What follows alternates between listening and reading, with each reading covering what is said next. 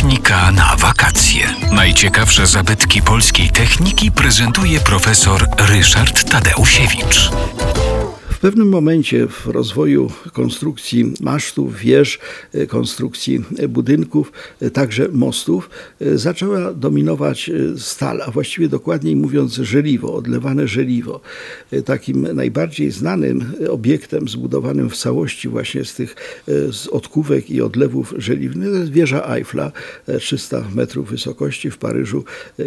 Chyba każdy, jeśli nie widział, to przynajmniej o nie słyszał.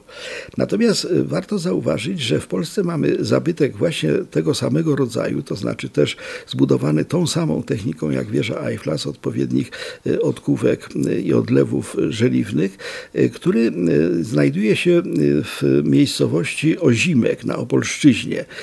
Tam nad rzeką Mała Panew został zbudowany przez Karla Schotterlusa, inżyniera niemieckiego. W 1827 roku został zbudowany największy największy wtedy w Europie i pierwszy most y, całkowicie żelazny, most wiszący. Y, ten most y, zbudowano z 60 ton odlewów żeliwnych i 14 ton stali. Wobec tego no, była to bardzo ciężka konstrukcja.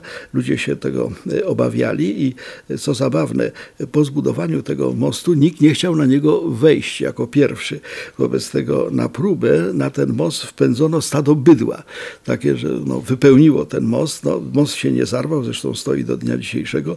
Można go e, oglądać. On w tej chwili znajduje się na e, terenie e, też będącej Muzeum Huty Mała Panew. Zresztą w tej hucie Mała Panew właśnie odlewano te elementy tego mostu.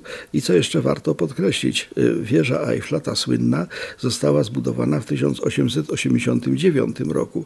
Natomiast ten nasz most był w 1827, a więc o wiele wcześniej.